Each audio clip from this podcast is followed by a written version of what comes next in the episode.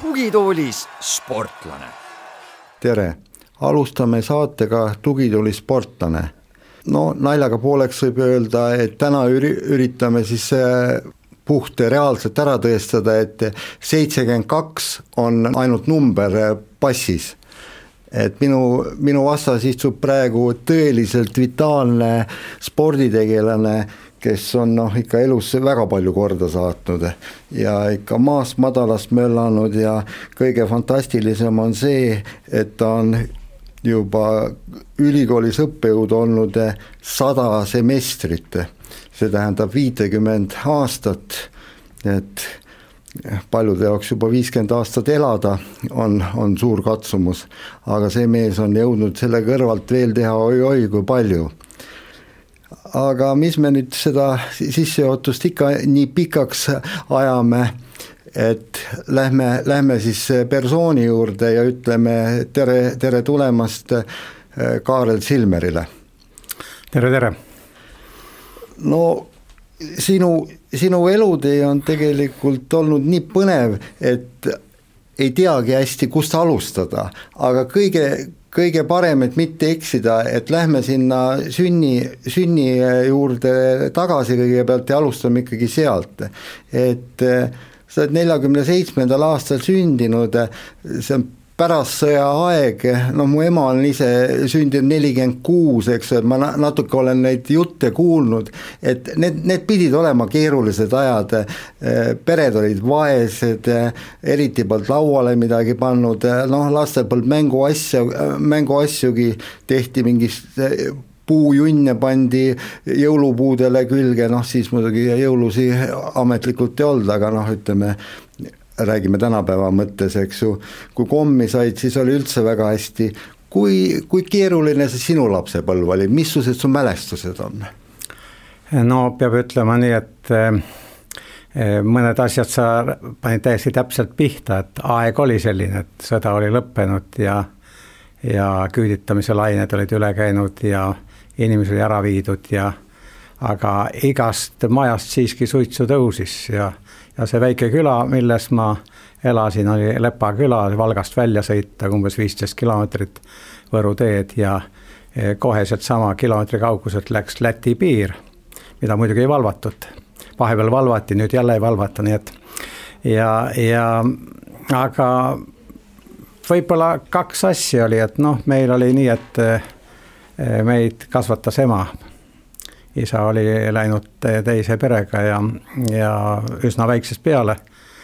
ja, aga seal oli üks väga tähtis määraja oli vanaema, kes oli olnud mõisateenija Koikküla mõisas ja, ja seal ei saanud niisama lihtne inimene olla, nii et ta pidas nagu korda ja jälgis meid ja ja Eesti küla oli siiski, ehkki teda oli nagu lõhutud väga, aga Eesti küla oli nagu väga ühtne ja aidati vastastikku ja, ja töö kui selline sai üsna varakult selgeks, tööd tuleb teha. Ja see on üks väga hea asi, minu onu on mulle ka alati öelnud juba, kui ma olin väike poiss, ütles, et ära sa jumala pärast tööd karda, et tead, seep on olemas, et käed saab alati puhtaks pesta. nii et, et selles mõttes, millal sa, ütleme, spordiga nii sina sõbraks said, et ma arvan, et selline sportlik eluviis läbi töö ju tuli sul kohe no see, ütleme niisugune põhjaladumine käis ju hiljem, kui ma läksin viiendast klassist, läksin Koikküla seitsmeklassisse kooli, vennaga käisime seal, siis meil oli ikka kuskil kuus pool kilomeetrit oli kooli minna ja kuus tagasi. et see oli igapäevane retk, rattaid ei olnud ja me ikka panime selle ja viimases klassis kuskilt tuli ka mingi buss, aga vahel me vilistasime kevadisel ajal sellele ka, et tuleme aga jalgsi ja nautisime siis sellist käimist et nagu üldpõhise sealt, aga sport muidugi tuli põhjale, kui kui ma läksin keskkooli Valka. ja seal oli muidugi noh, kõiki alasid, mida, mida siis oli koolil vaja.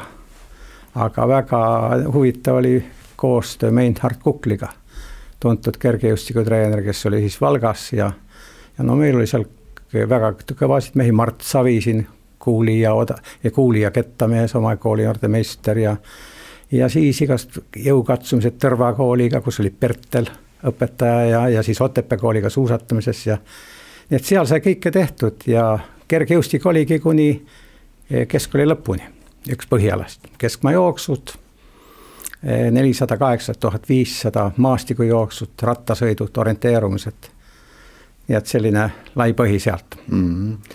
aga hingelähedasemaks sai sulle ikkagi rohkem suusatamine? No suusatamine tuli ikkagi ülikooli tulles, et siis oli, nagu ma mõtlesin, kergejõustik on nii, aga aga ma teadsin aabelitest. Ja ega see aabelitega ühinemine tuli nagu öelda, nagu üks väike nips ja ma olin aabelite seltskonnas sees, nii et.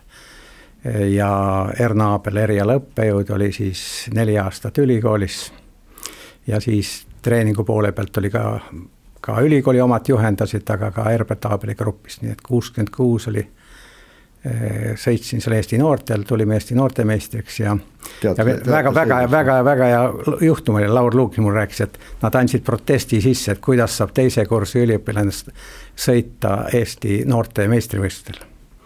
aga ma läksin kuueaastaselt kooli, nii et, et ma olin siis tõesti veel sain, suvel sain nii, et ma enam noortevõistlusel ei saanud startida mm. -hmm nii et kuld, kuld oli, oli sul olemas et...? no jaa, lehed küll kirjutas vahepeal, et lootust andev, aga, aga nagu suunad läksid natuke teise, et ma ikkagi jätkasin kirjutamisega agaralt mm. peale Valga perioodi ikka suubusin nagu edasisse nuppude tegijana ja nagu olin nagu polgupoeg seal, et et mõnes mõttes oleme me hingesugulased sinuga, et, et ütleme, selline kirjamehe töö on läbi sinu selle pika karjääri olnud ikkagi ka üks sinu selline noh, kas, kas nüüd öelda leivatöö, aga üks, üks selline mõnusaid valdkondi, millega sa oled tahtnud tegeleda. no ta ikka natuke tõi leiba ka, ega vaata iga, iga rubla oli nagu väärtuslik ja aga samas emotsioone ja inimesi, kellega sa nagu kohtusid, ütleme posti või edasi oli siis Ivar Kostabi, oli üks niisugune hea nõuandja ja ja no siis hiljem tulid sinna igasugused mehi, Mart Kadastik ja kes tulid sinna spordi peale ja ja, ja parim kohtumine oli ikka kuuskümmend neli sügisel. ma mõtlesin, no ikkagi ma olen ikkagi Valga kommunisti kirjasaatja endine, et ma, miks ma siis ei või edasisse minna proovida ja, ja läksin sinna Pirogovi üks trepist üles ja mulle tuli vastu, Valter Höier tuli vastu mm. -hmm. ma ütlesin, ma ütlesin, äh, härra, härra ei saanud öelda, seltsimees Höier, kas saaks teiega nüüd kolm sõna rääkida mm. -hmm. ta ütles, et vabandage, et ma sõidan praegu Tokyosse no,. ja ta läkski Tokyo mängudele no, just siis. ja hiljem siis tuli tagasi ja ütles, et võid tulla nuppusid tegema ja, ja, ja kirjatöö on nauding. jah, ei, ei vaidle vastu sellele et kui, kui, kui seda põrguks jätta, siis on ta kindlasti. ei no vot, siin ongi nii, et nüüd sa ütled, me oleme nagu sellist sama hingelaadiga, kui sa seda palgatööna ei tee, siis on ta hea. Noh, kui sa pead nagu palgatööna tegema umbes, et kolm tuhat tähemärki. Mm -hmm. ma olen ise pidanud ka mõnikord kolm tuhat tähemärki homseks tegema, see on mitte see, mida ma praegu teen. jah, täpselt, et seda ma tean väga hästi ja, ja eriti veel, kui on mingi selline sunnitud teema, mida sa väga ei taha teha, aga aga toimetus vajab. ma ei ole ühtki sellist vastu võtnud, ütleme no. nii vabast tahtest mm. -hmm. nojah, vabast. aga mõnikord võtad lolli peaga, võtad mõne niisuguse lubaduse ja teed mm. -hmm. no kui me sinna ajas tagasi läheme, siis eh, ütleme, millal sa siis nii-öelda spordimehena või spordipoisina eh, siis suusavarna panid või naelikud ära ja keskendusid nagu sellisele mm, õppejõukarjäärile?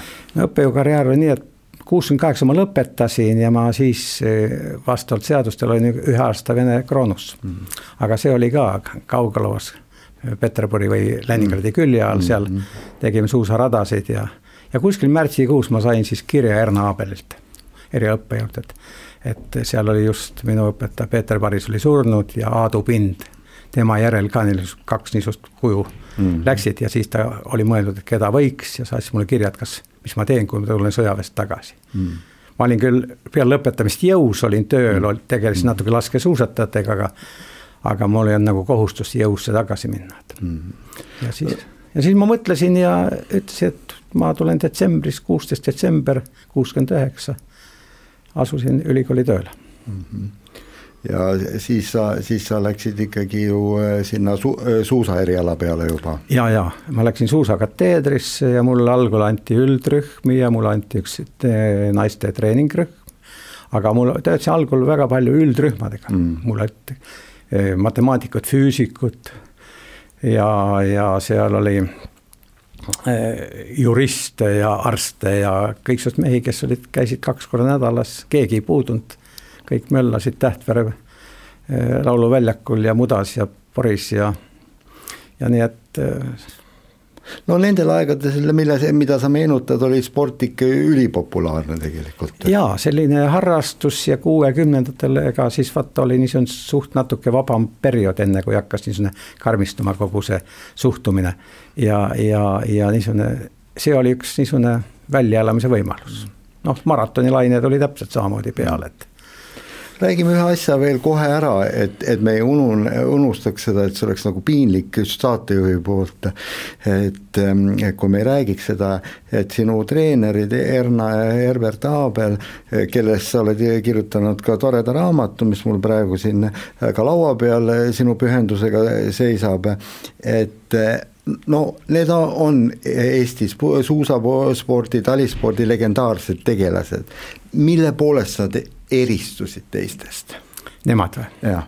no ütleme nii, et, et noh, alles nüüd hiljem, kui ma raamatut hakanud kirjutama ja uurisin kõiki neid asju, nad olid ikka Urvastes, kus nad olid kooliõpetajad, kus nad said kokku ja tutvusid ja abiellusid enne sõda veel siis nad olid noorkotkaste juhid, nad olid kodutütarde juhid, nad olid mitmekülgsed kohaliku elu niisugused vedajad ja ja ega siis seda, mis neil oli olemas, nad isegi selles nõukogude korra tingimustesse ei, ei minetanud, selge. Mm.. ja, ja keegi õnneks vaid ei hakanud nende seda eelmist, eelmist perioodi ka nina ette torkima, et umbes kes, teate, kes nad on üldse. näiteks ütleme seitsekümmend kaks, kui need tehti nendest film, eh, Roosipuu ja Säde mm. ja, ja Pärt kirjutas muusika veel, otsin luiteid. kui keegi oleks siis seitsekümmend kaks öelnud, et kuulge, kellest te filmi teete, mõelge ka mm., kas te teate, mis on. ja vot sellised kujud tulid ülimalt vitaalsed ja võib-olla üks asi veel, et kuna neil endal lapsi ei olnud siis oli ikka, see oli nagu kodu ka mõningal määral, et kui ma läksin sinnasse alati, Erna ikka pani teed, kuskil oli mingi pirukatükk ka ja siis sai pikemalt juttu aetud ja kuna olin, aeg oli suvel, siis ma olin ikka nii kuude viisi olin seal Ruusal, kus harjutasid siis tolleaegsed kõik rutid ja, ja, ja Ann Karud ja, ja Ratid ja Ingrid Mägarid ja kõik ja nii et ehitasime Ruusat ja tegime tööd ja tegime treeningut ja ja kogu aeg mõtlesime, kuidas ikka Koltšini omadele ära panna. sest need tegid seal ümber ruusa, tegid heinatöid ja mm -hmm. edasi-edasi mm. -hmm. no see oligi vahva aeg, et, et praegu väga paljud nagu ei usugi seda, et, et vanasti nagu sportlased eh, viidigi heas mõttes mänguliselt läbi sellise suvetööde ja noh, mitte nüüd eh, suvetöö selles kooli mõttes, aga just eh, heinatööd ja igasugused eh, sellised ka kõplamised ja, ja, ja läbi, läbi nende tehti ka nii-öelda treeningut. no Tõnu Pääsukese näiteks ütleme, suvised asjad, kõik, mis ta teeb praegu Hiiumaal oma laskesuusatajatega ja oma suusatajad, kõik noh, ma tean, kui Even Tuudeberg üks, ükskord ei saanud tulla, siis ta oli nii õnnetu, et ei saa Hiiumaale Hiiumaale minna, kui Even oli nagu tipus, et mm -hmm. see on kõik niisugune pikaajaline protsess mm -hmm. ja ja muidugi noh, nüüd on aega kõigil napilt käes mm -hmm.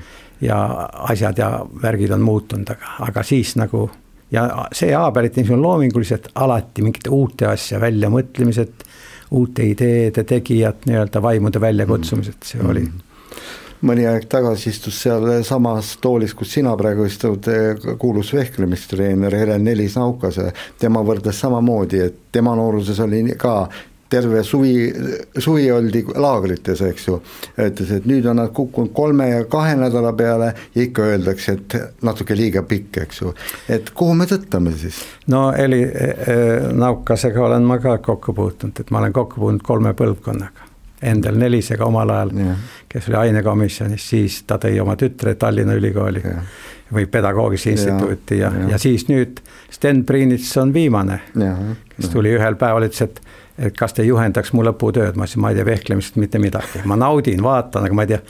ja lõpuks ta kirjutas väga hea töö, ta kirjutas erinevate riikide laste ja noorte treeningu põhimõtetest mm, -hmm. väga huvitav töö mm. -hmm. ja ma soovin, et ta jõuaks olümpiale ja teeks tulemused no see, selle olümpiarong hakkab ära minema, aga õnneks ütleme, tal, tal ei ole veel nii palju vanust, et vehklemises on isegi, kui tal on tahtmist ja raha, siis jõuab veel paar tsüklit proovida ja parim oli see, kui ta tõi oma vanaisa materjalid kõik mm., endal nelise materjalid.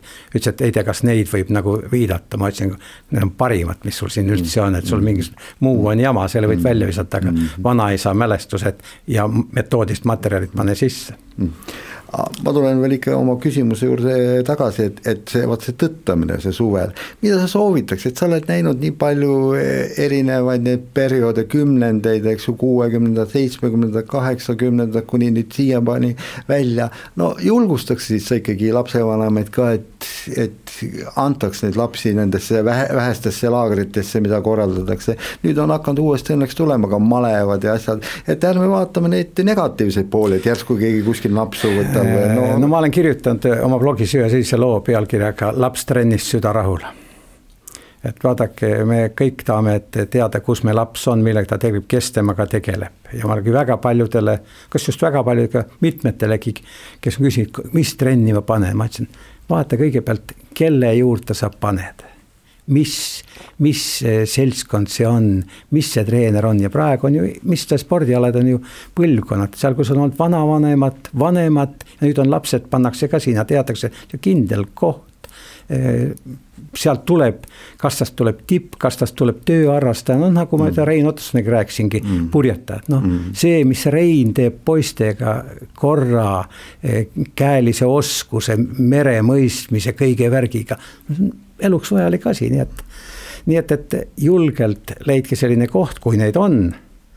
ja, ja Tartu Saabelitel samamoodi, et kogu see seltskond, noh, võib öelda nii takkajärgi, et ega nad väga sealt eh, Tähtvere professorite linnaosast ei tahtnud võtta, et mm. sealt tulid liiga targad lapsed, kes, kes ikka ütlesid, aga mu isa räägib seda ja ja noh, kui sa oled andnud lapse trenni, siis anna trenni ja las treener tegeleb. no praegu just Tartu peale jutt jälle läks, kui sa enda Tartu perioodi nüüd hindad tagantjärele, vaatad, et see lõppes seitsmekümne kaheksanda aastaga vist. ja et kuidas sa hindad seda tööd ülikoolis ja et kuhu sa enda meelest jõudsid, mis kõige rohkem nagu hinge kosutas? no ütleme, kõva teaduskond, ütleme nii, kui võtta võtta alates Fred Kodu juhtimises, hiljem kui Arnold Vaiksa dekaanina, aga see õpetajaskond ja kui me praegu vaatame, et võib-olla eh, noh, mitte Tartu, aga mujalgi, et me hiilgame mingi selliste asjadega, mis on, ütleme niisugune funktsionaalne ja selline meditsiin ja füsioteraapia ja rekreatsioon ja kõik, aga niisugune ainedidaktika, millegi õpetamine, millegi, no see oli kõva ma ei pääsenud jalgpallist, ma ei pääsenud tennisest, ma ei pääsenud no ütleme, orienteerumise osas Arne Kivistik, kes siis oli parimas eas, kes meile orienteerumise sisse istutas. et see niisugune mitmete alade ja väga niisugune tugev, noh. lai pilt ühesõnaga. absoluutselt ja, ja seda sa saad hiljem kasutada treenerina, õpetajana, no ütleme kogu mu kursusekaaslased siin, no me kursusevanem Raivo Ruukel kes mm. oli ju supermees ja. oma, oma kasvandikega ja. ja nii edasi. kahjuks lahkunud meie hulgast, aga, aga Raivo oli ju üks näide tüüpiline, et mida kõike ta ei osanud. noh, üks hea tekk oli, kui me Käärikut tegime kuuskümmend neli, ehitasime, siis ta ütles, et ma tulen sealt ülevalt maja juurest alla bussipeatuses käte peal kõndides ja tuli ära ka ma ei tea, kas me midagi vahele ka panime, aga, aga, aga tead, no see just see mitmekülgsus ja selline ja teiseks ütleme nagu teaduskonna roll Eesti spordis ja nii-öelda otsustavate osade juures, et praegu me vaatame, et et mõned spordiotsused ja mm., ja liikumise ja niisugused mm. asjad tehakse nagu, ah, meil ülikoolid, kas me nendega räägime või ei räägi, et mm -hmm peame neid ülikoole rohkem ära kasutama ja mm., ja tekitama nendele väljundeid, siis mm. nagu igas alaliidus oli mm., oli see suusakateeder, see oli praktiliselt suusaföderatsiooni üks A ja O mm. -hmm no ma ei saa jätta küsimata, sa nimetasid Fred Kudu, eks ju, et iga inimene, kes spordist midagigi on kuulnud, peaks teadma ikkagi, kes on Fred Kudu, eks ju. noh, ta on tohutult palju Eesti spordile andnud, aga samas ikka kogu aeg sahistatakse seda mingit tema halli sellist tsooni ka ole hea, sina olid ta kolleeg, töötasid temaga koos, analüüsi teda, et kum-, kindlasti oli seal plussi rohkem, aga kas siis see miinus oli ka olemas või? noh, Kudu oli nii, ma ütleks, esimene asi, ta oli tõeline härrasmees ta oli täiesti, ütleme võib-olla selles, selles ühiskonnakorras võib-olla isegi niisugune öelda, et noh, see Kudu on ikka midagi enamat, ma mäletan, kui ta kümne võistlejatega siin Saksa, et maavõistlust kõik tegid ja kuidas ta lauakombeid õpetas meestele, kõik niisugused asjad, mis. ja teiseks on nii, et ega ta lasi tööd teha tal oli tööd teha ja ta innustas. Ja muidugi alati tekivad sellised oma lemmikalad ja oma sellised noh, väljundid. Tal tekkis selgelt kümnevõistlus kergejõustikus, ta lõi parimad olud. Mm.. aga noh, ta ei pannud jalga ette ka teistele. ta tõi nagu ütleme, ta tõi ju kõik sõjaaegse kaadri eh, endaga kaasa. Mm.. Need olid kõik, kes sõdinud siin või kes sõdinud seal, noh hiljem ma sain teada, et seal umbes kolm-neli meest oli Soome poeg, poisse mm,, poisse, kes Uno Sahvat ja Evald Mäepalu kõik mm. -hmm aga Kudu kasutas iga mehe parema külje ära mm. -hmm. no mind ta tahtis ajakirjanikust teha, ta tahtis mind kergejõustikust kirjutan Budapesti. ma ütlesin, ma pole kergejõustik, ei jaga midagi mm. -hmm. siis ta leidis Urmas Esloni ja no. nii et, et ta oskas ja nägi ja, ja toetas ja ja, ja mõnikord ütles ka nii-öelda väikselt nii-öelda mm -hmm. kerge irooniaga, see oli ka tema joon mm. -hmm. aga siis pidi nagu aru saama, et miks Kudu praegu vähe ironiseerib mm. -hmm selge, selge. no selles Tartu perioodi noh, ütleme ikkagi see oli sinu kõva ülestöötamise periood ka, eks ju, ja etappe, et kui, kui sa pidid noh, kuigi see enesetäiustamine käib ju nii kaua, kui noh, nagu öeldakse, kaan peale pannakse või, või läheme tuhande kraadiga, et kui nüüd ütleme öelda öelda natuke sarkastiliselt, eks ju, aga ütleme, selles perioodis sa käisid ka Vene, Venemaal ju, eks ju. no Venemaal oli nii, et kaks asja, mis olid, ütleme nagu panid, noh, ikkagi tuli kraad teha, ülikoolis töötas.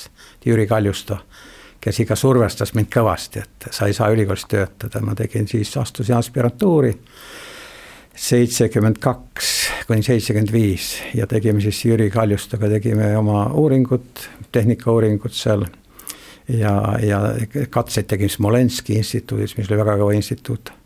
ja, ja, ja siis ta saatis mind ikka vägisi, ma küll kaks korda vabandasin välja, ikka olin neli kuud Moskvas Keskkonnakultuuri Instituudis. Ütleme noh, et kui muidu vaatasid ikka Volkovi või Satsiorski raamatut, mis olid riiulis ja lugesid neid, siis nüüd ta tuli auditooriumi ette ja ehe.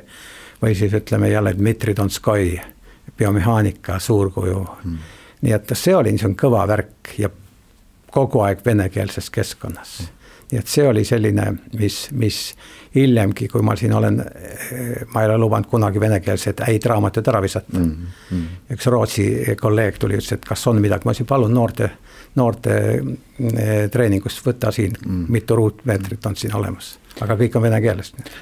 küllap sa jagad ka seda vaatenurka või olles sealt ise sellest eh, masinast läbi käinud, et ikkagi Vene spordi, toonase Nõukogude spordi alus oli ikkagi ka väga hea selline noh, tehniline ja sellise metoodilise poole nagu allaseadmine, eks ju, et paljud, paljud arvavad, et see oli nagu keelatud ainete söömine, eks ju, aga minu arust ikkagi päris nii ei olnud. ei noh, seal olid eh, niisuguseid asju nagu, mis puudutas algõpetust, didaktikat, kõike sellist metoodikat, seda, selle kohta olid ju uurimisinstituudid, see oli teaduslik uurimisinstituut, kes uuriski mm puhtalt nii.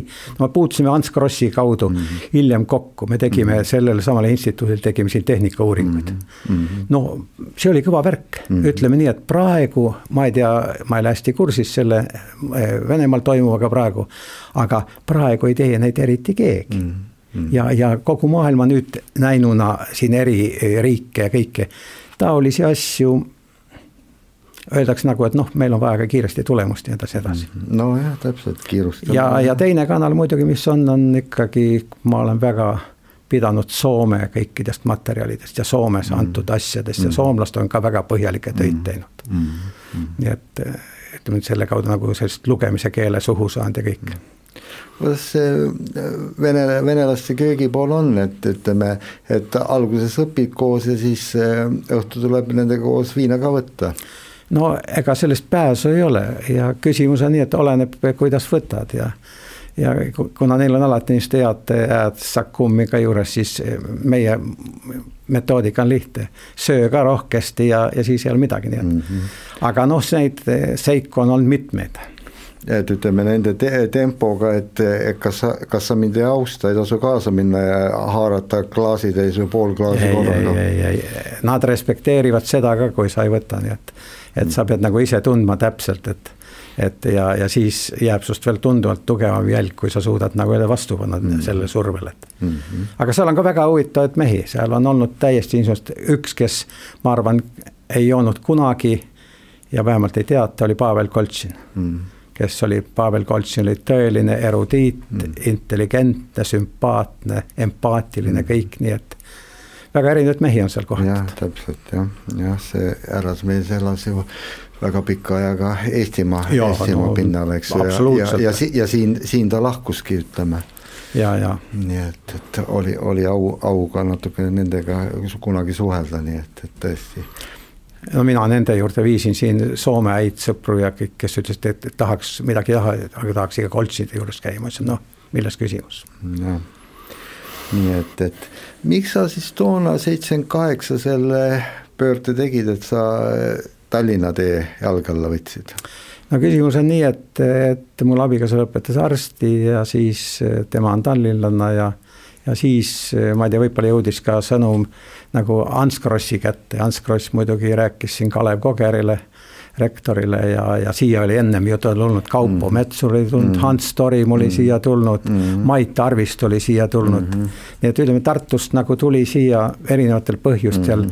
eh, häid kolleege, kes osa veel on praegu siin olemas, Torim saab varsti nüüd üheksakümmend eh, selle kuu keskel mm. -hmm. ja, ja siis minul ka, kui ettepanek tuli, et ma võiksin Tallinna tulla, siis muidugi Kääriku ja ülikool oli saanud armsaks ja kõik, aga, aga sinna tuli uusi noori jõude ja, ja, ja mul nagu tekkis nagu väljakutsed siin mm -hmm. tegutseda mm. -hmm no ütleme too, toona nimetati teda pedaks, eks, Tallinna Pedagoogiline Instituut, noh, ma isegi käisin, käisin oma, oma viis aastat seal ära ja küll, küll teises teaduskonnas, aga, aga nagu sa ütlesid, et see kehakultuuri teaduskond, see laienes ja läks ikkagi päris võimsaks.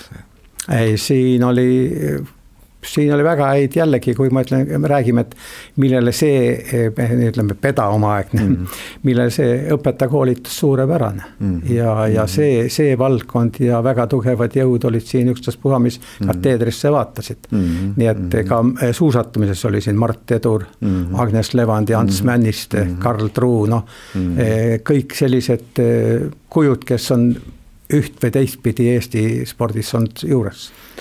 mis konkreetne rida, mida sa siin ajama hakkasid, et mis see sinu täpne rida? no siin mul oli treeningrühmad ja siis mul oli erialalugemisi oli siin ja, ja siis mul olid talvelaagrid, need olid pikad, neid, neid kõik laagrid ridamisi, umbes sama töö, mida ma tegin Käärikul ja Tartuski tegin need talvelaagrid, õppelaagrid mm.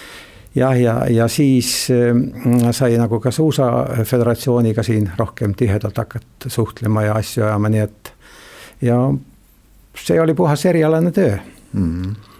no tegelikult eh, heas mõttes pööraseks läks elu eh, üheksakümnendatel sinu jaoks, et just heas mõttes pööraseks, et kui lipp vahetati ära ja, ja ütleme siis. no ma ütleks, et kümme aastat varem läks asi pööraseks, ikka tuhat üheksasada kaheksakümmend Eh, Moskva olümpiamängude järel mm. -hmm. või isegi ennem seda, kui eh, Virkus eh, Anton Jürisson, kes oli meil dekaan mm, -hmm. läks pensionile ja Virkus kus enda juurde ütles, et kuule, et me oleme siin arutanud, et hakkaks dekaaniks mm. -hmm. dekaani töö üksteist aastat oli ikka no, see, üsna, üsna ja. kõva väljakutse no,. Nõukogude aja lõpus ja. Ei olnud, nagu öelda, soomlaste väljendit, kas helponakki ei olnud, see oli päris poliitiline survestamine ja mm. mida tuli laveerida ja vaadata, et tudengiga kolleeg liiga ei saaks mm tehtud. Jah, aga noh, mina, ma sihtisin rohkem selle peale, kui sa juba ütleme, suusa, suusaliiduga sa olid juba seotud tegelikult nagu pikalt, eks ju, aga siis sa läksid ju lausa, lausa sinna nii-öelda ametisse, eks ju, ja tegelikult jätkus ju sinu ülikooli karjäär ju samamoodi, aga aga siis, siis sa olid ju üheksakümnendate alguses, hakkasid sa tiitlivõistlustel käima ja pärast sa olid ka alaliidu pea, peasekretär, et. jah, see tuli nii, et, et see taasiseseisvumise värk tuli üsna kähku kätte, et me kaheksakümmend üheksa juba siin Soomega tegime siin ühisseminare kõike ja siis, kui no üheksakümmend kaks ikka Raivo Epneriga läksime ja, ja meid Eesti võeti jällegi uuesti eh, rahvusvahelise suusaliidu liikmeks, Budapestis olime seal ja, ja, ja noh, meil olid head sõbrad ümber, eh, Põhjamaad, Norra, Rootsi, Soome, ka Läti, Leedu tulid punti, nii et meil olid nagu aitajad ja nõustajad igatpidi see oli kõva, see oli kõva ajajärk mm. -hmm. No, ütleme, et ma alati tudengitelgi räägin, et kui olid siin nõukogude ajal, et siis mm -hmm. oleks võinud nagu minna pääseda lahtisse võistlusi vaatama mm, -hmm. ei saa mm. -hmm suletud maailm yeah.. no, siis hakkas kõik see maailm nagu avanema no., et ja väga kõva koostöö Põhjamaadega, FIS-i tasandil ja, ja noh, need olid niisugused asjalikud ja harivad ja, ja nii-öelda Eesti jaoks vajalikud asjad. Loomulikult ja eks see noh, ütleme, sina oled ju tegelikult Eesti suusatamises teinud kõik ära, ütleme noh, kas nüüd saab öelda nullist üles töötamise, aga no ikkagi see seis oli alguses ju suhteliselt ikkagi kurb, eks ju. Et need tulemused polnud alguses nii, nii säravad, ajakirjanikud eesotsas minu endaga haukusid kogu aeg mögisesid, kui öelda veel inetumalt, eks ju, et mis te teete, miks midagi ei tule, aga siis hakkas tulema ka ühel hetkel. no küsimus on nii, et, et et niisugune õhinapõhisus oli ikka kõva, ütleme, et ei olnud nagu ma ei, ma ei oska ühtegi näidet nagu tuua, kus keegi ütles, ah, pole midagi. nagu niisugune põhimõte oli, et kõik on võimalik. noh, näiteks ise ma kirjutasin ühe loo spordilehte kunagi kaheksakümne kaheksandal aastal juba mm, -hmm. et miks ei võiks Otepää olla ikka maailma üks suusakeskusi mm. -hmm. see ilmus ära ka mm -hmm. ja kõik ja isegi hiljem linnapeaks läinud Jaanus Raidla kutsus mu veel välja mingi raadiomajas vestlusi, me rääkisime, ütlesin, no aga miks meil võimalik ei ole, me oleme teinud siin liidu asju kõik mm.. ja siis, kui nüüd äkki on ühel hetkel on see võimalik, siis miks mitte teha mm.. ja ma ütleks, et kui üldse Eesti sporti vaadata, siis erinevate alaliitude kaudu see kolmkümmend aastat, mis nüüd hakkab täis saama kõikidel mm Mm -hmm. see on olnud niivõrd huvitav, kui sa tuled ühest sellisest totalitaarsest süsteemist, riiklikust süsteemist mm, -hmm. hakkad tulema sellise vabatahtliku ja mm, -hmm. ja niisuguse initsiatiivi poole mm. -hmm. no niisugust metamorfoosi, noh ma olen neid mitmeid niisuguseid õhtusi koosistumisi teiste riikide mm. suusameestega istunud, need ütlesid, te olete ikka endisest Nõukogude Liidust, rääkige midagi huvitavat ka ja. ja mõnigi norralane on ajanud kõrvad kikki umbes, kui ma räägin siin Venemaa ja Nõukogude Liidu võimalustest ja mm. massidest ja asjadest mm, -hmm. nii et mm. väga huvitav periood. aga mida nad konkreetselt teada tahtsid, kas nad ikkagi tundsid? ei, nad uurisid tausta kõike, sest nad uurisid tausta, näiteks kui ma rääkisin ühest eh, uisutehnika seminarist mm -hmm. peale kaheksakümne viiendal aastal mm -hmm. Sverdlovskis mm, -hmm. mis on mu viimane käik oli sinna mm -hmm. Venemaale mm. -hmm. siis ma ütlesin, seal oli kohal oli seitsesada treenerit. Nad küsisid, kas seventy ma ütlesin seven hundred ja ühesõnaga ma ütlesin, teate, milline ressurss on teil vastas mm, -hmm. aga, aga vaat see lõpuviimistluse pool, kus te, te, te ikka lihvite selle medalisti välja mm, -hmm. siin te olete paremad mm. -hmm. ja no muidugi olu ja tingimused ja kõik need, mida ütleme Eestiski praegu on loodud, nii et mm -hmm. noh, need on nagu öö ja päev mm. -hmm no kõik, kõik me oleme selle Eesti suusa, suusa muinasjutu äh, läbi elanud ja seal on olnud ju väga, väga palju head, eks ju, ja, ja noh, nagu mina isegi ütlen, kui minult nüüd, kui ajakirjanikult nööbist kinni võetakse, öeldakse, et et noh, kuidas siis seda kõike hinnata, et mis, mis oli ja, ja mida me nüüd oleme kuulnud ja ja ma ütlesin, ma ütlen nüüd seda samamoodi, et nagu mõned teised inimesed, häid emotsioone ju meilt eh, tollel hetkel keegi ära ei võtnud, eks ju, ja nendega paljud elavad veel siiamaani. kuidas sina seda perioodi nüüd ütleme vaatad? no ütlen nii, et, et ega mm, eh, maksimalistid on ta ükstaspuha mis alal, maksimalistid on alati keerukad isikud ja, ja, ja on ta siis sportlasena või treenerina või korraldajana või mm., või mingi suure plaani tegija, nendel võib juhtuda kõiksugust asju mm. -hmm. ja, ja kui noh, mõnigi on minuks, kas siis sina ei teadnud või sa ei näinud või midagi. ma olen elus äh, väga palju tuginenud sellele, et ma usaldan inimesi kui us-, kui sa ei usalda, kui sa kogu aeg mm. pead kontrollima, vaatama, seda kahtlustama, no nii ei saa üldsegi elada. Ja ütleme, see, see, ütleme Eesti spordis, kaasa arvatud suusatamise algul väga palju neid inimesi, kel, kes tulid ja neid, neile sai usaldada, no võtame kas või Alar Arukuuse, kellega ma mm -hmm. olin üleeile koos mm. -hmm. no ma olen naljaga pooleks öelnud, kui Alar Arukuusele oleks antud natuke raha ja võimalus linnahall korda teha mm, -hmm. saaks selle ka korda teinud mm. -hmm või nagu Sõõrumaa hakkab praegu siin, hakkab äh, seda mm -hmm. äh, patareid korda tegema mm, -hmm. ühesõnaga niisugune ja inimesele antakse usaldus, võimalus teha ja ta teeb mm. -hmm. ja muidugi tekib seal alati igasuguseid kõrvalmõjusid ka mm. -hmm. ja ega ma ei ole mõningate seikade üle rõõmus mm, -hmm. sest ega minu käestki on küsitud nii. üks üliõpilane küsis minu käest, mida ma arvan Kristjan Pordist ja Mart, Mati Alaverest mm. -hmm ma ütlesin, väga hea küsimus, ehkki loengu teema oli teine, aga. aga vastus? vastus oli, nad on mõlemad mu endised üliõpilased ja ma, mul on huvitav vaadata nende arengut mm. -hmm. no Mati tegi kindlasti väga palju asju ka õigesti, et ta, ta ju otsis, nagu öeldakse, täiuslikkust, eks ju. et nii tehnilises pooles kui ka igasugustes treeningtingimustes ja ta vaatas nagu väga, väga suurt pilti no lõpuks ta andis meile vihjeid ka, ikka ta ütles tihti enne tiitlivõistlust, et, et või kuskil hooaja keskel, et pool protsenti on vaja paremaks saada ja me ei saanud nagu aru sellest, eks ju, hästi, mida see tähendab. no pärast, kui tuli film eh, Sinivalge vale, siis seal seletati meile hästi ära, mis see pool protsenti tähendab ja palju see kümne või viieteist kilomeetri peal on. aga et selleks tuli tankida midagi natuke tugevamat. et no sa oled juba öelnud, et, et mõned asjad su sulle ei meeldi, mis juhtusid, kui suur löök see sinu, sinu jaoks oli, kui need asjad hakkasid teistma no,? alati, vaat küsimus ei saa kunagi, eh, ühtki sellist käsitlust ei saa üksikisiku tasandile mm. -hmm. me ei saa rääkida, et mind on solvatud, et ma olen hirmus solvunud ja mm -hmm. nii edasi.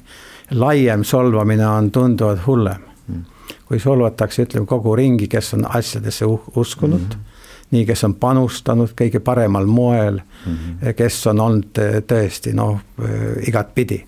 ja, ja, ja ma siin ainult Madi puhul ütlen seda, et, et läbi aegade ma olen näinud väga palju tudengeid, aga sellist eh, teadmiste janu, kõik, mis mina omal ajal talle kätte andsin lugeda või Jüri Kaljuste või teine keegi, kõik, kõik ta uuris-puuris läbi igalt poolt ta hankis, kõiki ta kasutas ära mm -hmm. nii-öelda mm. -hmm noh, ütleme mürmo tulek mm. -hmm. no mürmoga ma elasin lahtis eh, poolteist nädalat mm -hmm. ühes korteris mm -hmm. seal eri tubades.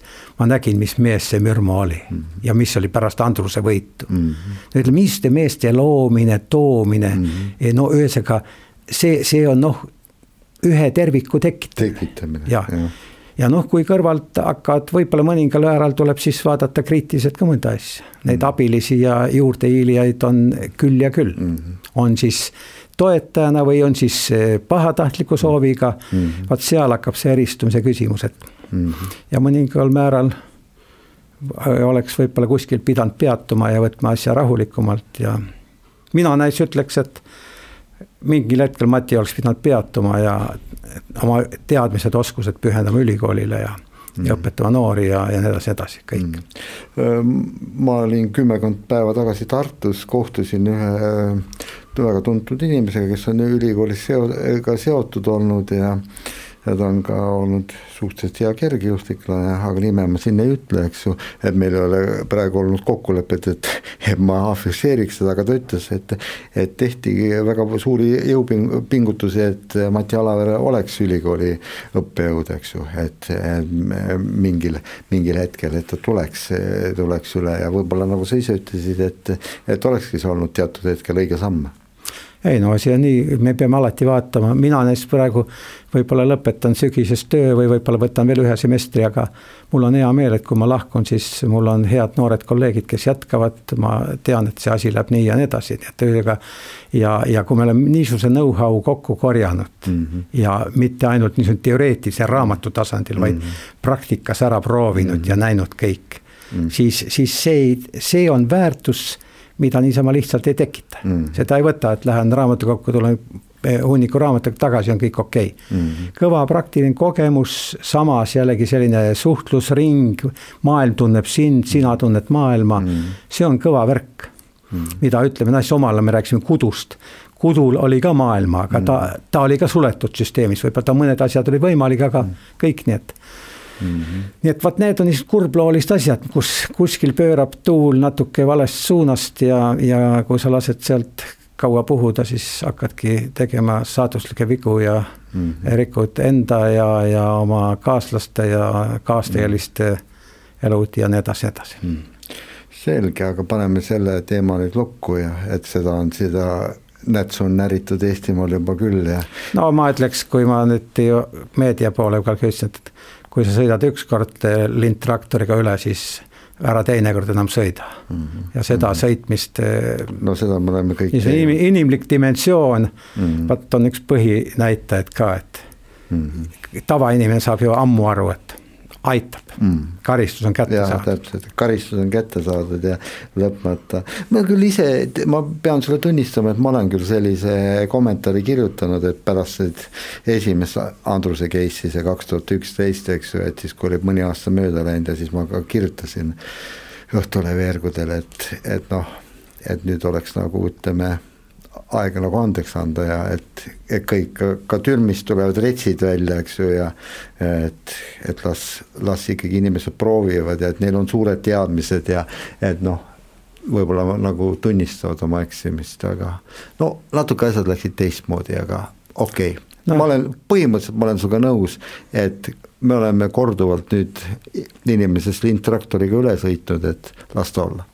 jah, Herman Silm lasti lahti ja lahti ja, ja, ja, ja, ja nii edasi. jah, täpselt. Ja oli riigireetur ja, ja igatepidi ja no ikka, ikka ju elab, elab ju ja, ja noh, ajakirjanikud jooksid nagu taksikoerad, hüppasid ta ümber ja, ja mis, mis nad sealt ikka siis kuulsid talt, häid jõule või mis ta ütles, head uut aastat.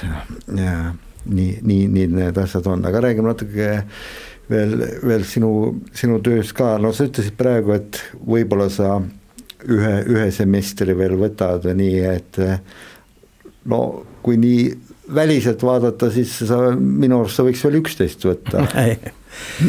Küsimus on nii, et eh, ega eh, pead nagu ise tunnetama, et, et mis on see eh, sõnum, mida sa veel tekitad. Mm.. ma olen ennast veel kontrollisin alles siin paari aasta jooksul Viimsi riigigümnaasiumi üheteistkümnenda klassiga, ma loen seal mõningaid rekreatsiooni äh, sissejuhatuse aineid ja räägin üldse mm -hmm. sellisest enda, enda üle mõtlemisest mm, -hmm. enda uuesti loomisest ja, ja vaba aja tegevusest ja mhm. sportimisest ja mm, -hmm. ja, ja, ja ma näen, et kakskümmend tundi on piisav, et neile selline uus lähenemisnurk tekitada ja mõtlema panna, nii et. rekreatsioon ehk siis inimese taasloomine, kui eesti keeles seda täpsemalt öelda, on ka sinu teema Tallinna Ülikoolis praegu. ja ei, minu hea kolleeg ja rekreatsiooni eriala nagu Arvisto tõi nagu mõtte siia ja Rene Meimer, kes pani õppekavad püsti ja Renega me oleme, pluss hiljem meil on Reeda Tuula ja Karel mm -hmm. Kulbin ja mm, -hmm. ja Joe Noormets ja Mart Reimann ja meil on mm -hmm. hea, hea tiim, kes on selle eriala juurde läinud ja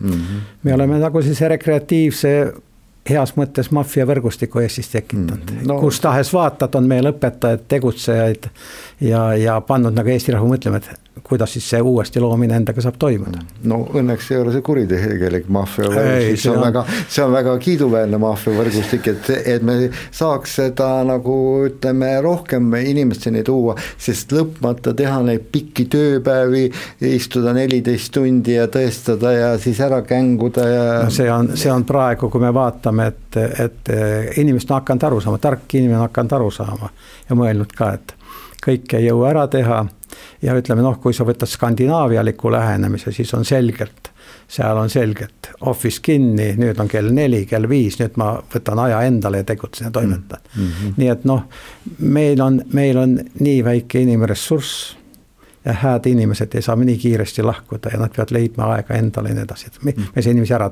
Ar. Arvo Kokk kirjutas väga hästi, et on niisugune Eesti enne rahva, Eesti rahva ennemuistsed jutud, seal mm -hmm. lugu on puulasest ja mhm. tohtlasest mm. -hmm. kandsid varandust kokku mm, -hmm. aga peremees pidi neid vahepeal likku panema mm. -hmm. muidu nad kuivasid ära, läksid katki. inimesega samamoodi, vahepeal tuleb inimene likku panna mm. -hmm puhkust anda mm, -hmm. talle aru pähe panna mm, -hmm. mine tee mm, -hmm. toimeta, käi ja õnneks noh, targad inimesed on hakanud Eestis aru saama sellest. palju sa ise liigutad veel? Täiesti tunde järgi, kui ma tunnen, et nüüd mul oleks vaja üks tund-poolteist metsa minna ja, ja või mere peal, ma mere ääres elan. siis võtan selle tunni ja, aga ma ei ole nüüd niisugune, täpselt niisugune Priit Pulleritsulik liikuja, et ja siis panen veel kirja ka, mitu ma tegin ja mis mu pulss oli kõik.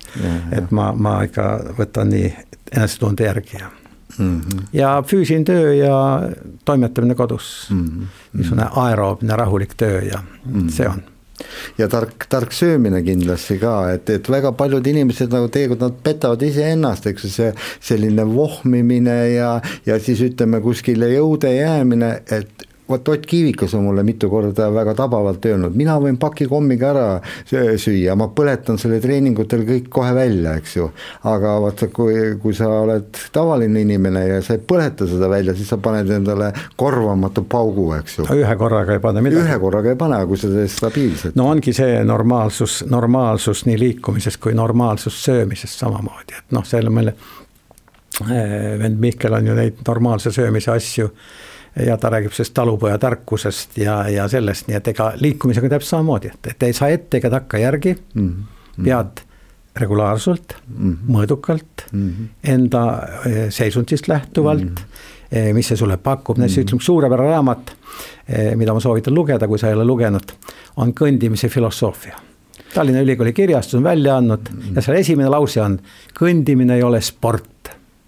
ja siis tuleb, mis kõik kõndimine veel ei ole no eh, tegelikult selle toidujutuga ma vaikselt hiilisingi sinu, sinu venna Mihkli poole, sa ütlesid ise selle välja siin ja ja noh, tegelikult on ju super, super töö selles valdkonnas ära teinud ja et eh, noh, tema juures on, ma arvan, käinud kõik Eesti tippsportlased ja ta on need nagu ütleme, need söömiskavad seal aidanud paika panna, üle vaadata ja noh, sa tead ise seda paremini, et ma vist, vist ei luiska siin nojah, ega ta ei afišeeri seda, sest et see on olnud selline nõustav asi ja ja, ja noh, ma nii palju, kui mina tean, ma olen mõnd-, mõnikord olen mina ka, kes minu poole pöördunud, ma see ei, te olete vale isik, ma võin teile, kui ta võtab vastu, siis võtke ühendust.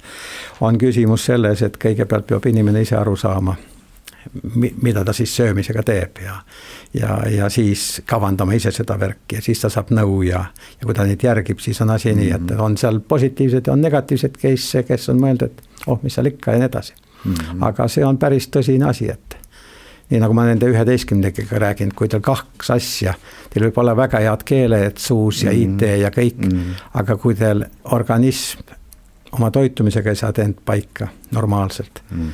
ja, ja, ja oma liikumisega ei pane mm. paika, siis te ei kesta, siis te ei jaksa mm. ja nii edasi, edasi. no teil on tõesti nagu perekonnas ja suguvõsas seda nagu tarkust väga palju, su abikaasa on ka siiamaani praktiseeriv arst, eks ju.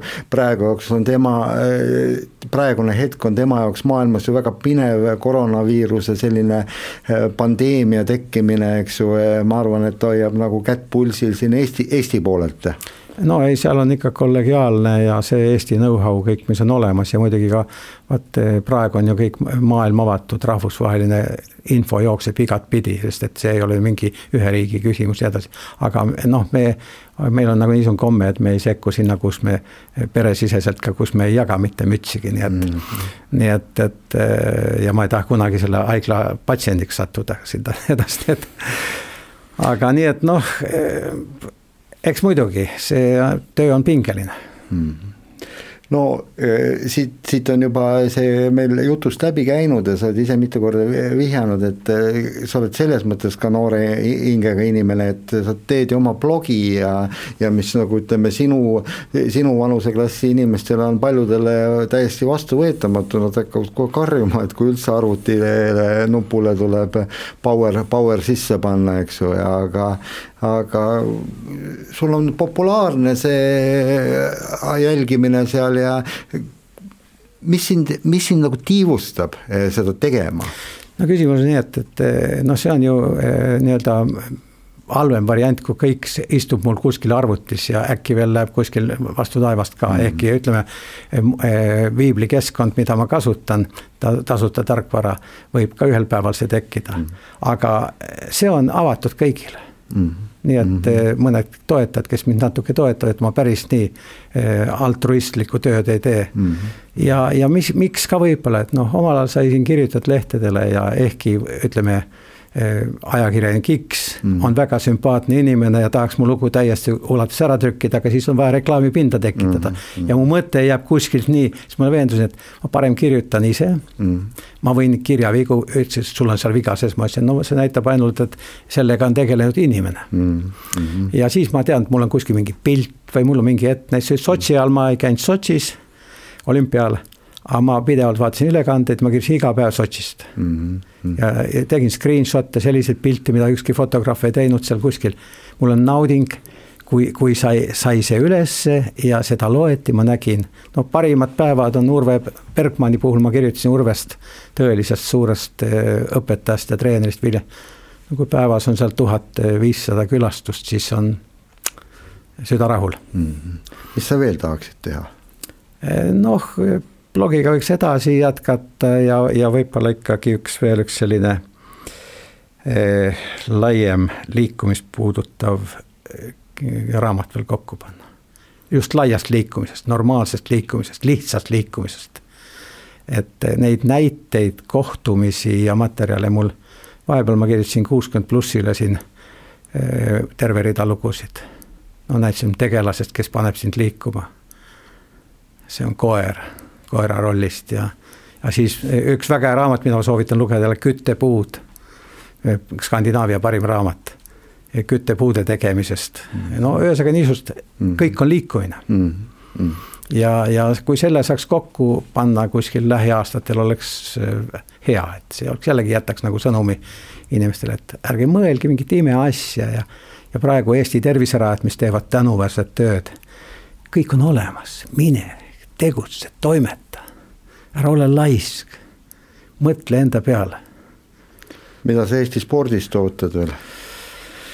noh, nüüd hakkavad platvormid ilmuma siin, presidendid hakkavad, kuna kõik allub ju ühele äh, katuse alla, kõik läheb mm -hmm. kõik nii-öelda, siis äh, ütlen nii, et, et väikeriigil on raske äh, tekitada äh, suuri hulki häid mõned üksikud häid, hoiame neid ja ärme nende ümber eh, kakle ja mõtle, et kes on nüüd ikka esimene, kes on teine, reastamine on kuritegu taoliste meeste puhul nagu Tänak, Kirt ja teine ja kolmas. Nad on kõik head. see on, see on nõme süsteem, kui me oleme sellise, ma ei tea, kust tulnud süsteemiga, jätkame edasi. ja, ja kui, kui me tõmbame Tänaku jälle esile, siis aga mulle, ma olen kokku puutunud ka selle Järveoga ta oli meie tudeng ja judokas, ma kohtusin siis mm. temaga mm., nägin, kui sisukas mees ta on mm. -hmm. miks siis tema äkki eh, on nagu roolist maha jäänud ja nii edasi, nii et mm, -hmm. nii et selline iga sellise ilmuva inimese toetamine laialt ja, ja kui neil ka karjäär lõpeb ja midagi läheb viltu, siis oleme, oleme mõistvad ja arusaavad ja, ja ka kõige hullematel juhtudel. ka no ütleme noh, see, mis me rääkisime siin suusatamise asjadest ja ei saa nii õelaks minna. ja, ja mina küll väga, mulle meeldib väga võrkpalli vaadata ja mul on ime, kuidas Eestis on sellised Eesti soost mehed on võistkonnana väljas. see on kõva värk. see on kõva värk, mida annab kokku panna individuaalala mehena. ma ütleks, et müts maha kõigi nende noorte treenerite ees, kes, kes neid noori poisse, äkki näed, ma ei ole vaadanudki, tuleb mingi noor kutt jälle ja siis ta juba, Prantsusmaa ihkab teda võtta mängima ja nii edasi, edasi, et noh, see on niisugune nauditav, et, et Eesti on sportlik maa ja ja praegu on noh, nagu öelda, iga inimese jaoks on Eesti Terviserajat on teinud praegu võimsa süsteemi, kes kahjuks, meestel on kõigil eh, käsi on kümne sentimeetri kaugusel nupust, et käivitada lume tootmine praegu. Ja, ja kõik on valmis mm. ja need on, puutudes selle Eesti tervishoiusüsteemiga kokku, ma ütlen, uskumatult hea seltskond on praegu sinna tulnud. just paikkonna jaoks. ja, ja ma tõstan mütsi nende eest maha ja tunnen kahjuks, et praegu näed, talv on selline. Aitäh sulle, et sa saatesse tulid, mul on rõõm, rõõm näha, et, et sinus on sellist hasarti ja ma usun, et sa saad veel mitukümmend aastat nii-öelda panustada siia ühiskonda ja, ja, ja soovin, soovin sulle edu. ma ütlen ainult viimase lause, hea kolleeg Rein Aljand, kes oli ka neliteist aastat dekaan ja nüüd on ta e-, emeriit. Ja me Reinuga nagu võtsime ühise põhimõtte, et me ei peatu enne, kui meid peatatakse see on ka päris hästi öeldud. aitäh veel kord, saadet juhtis David Serp oh..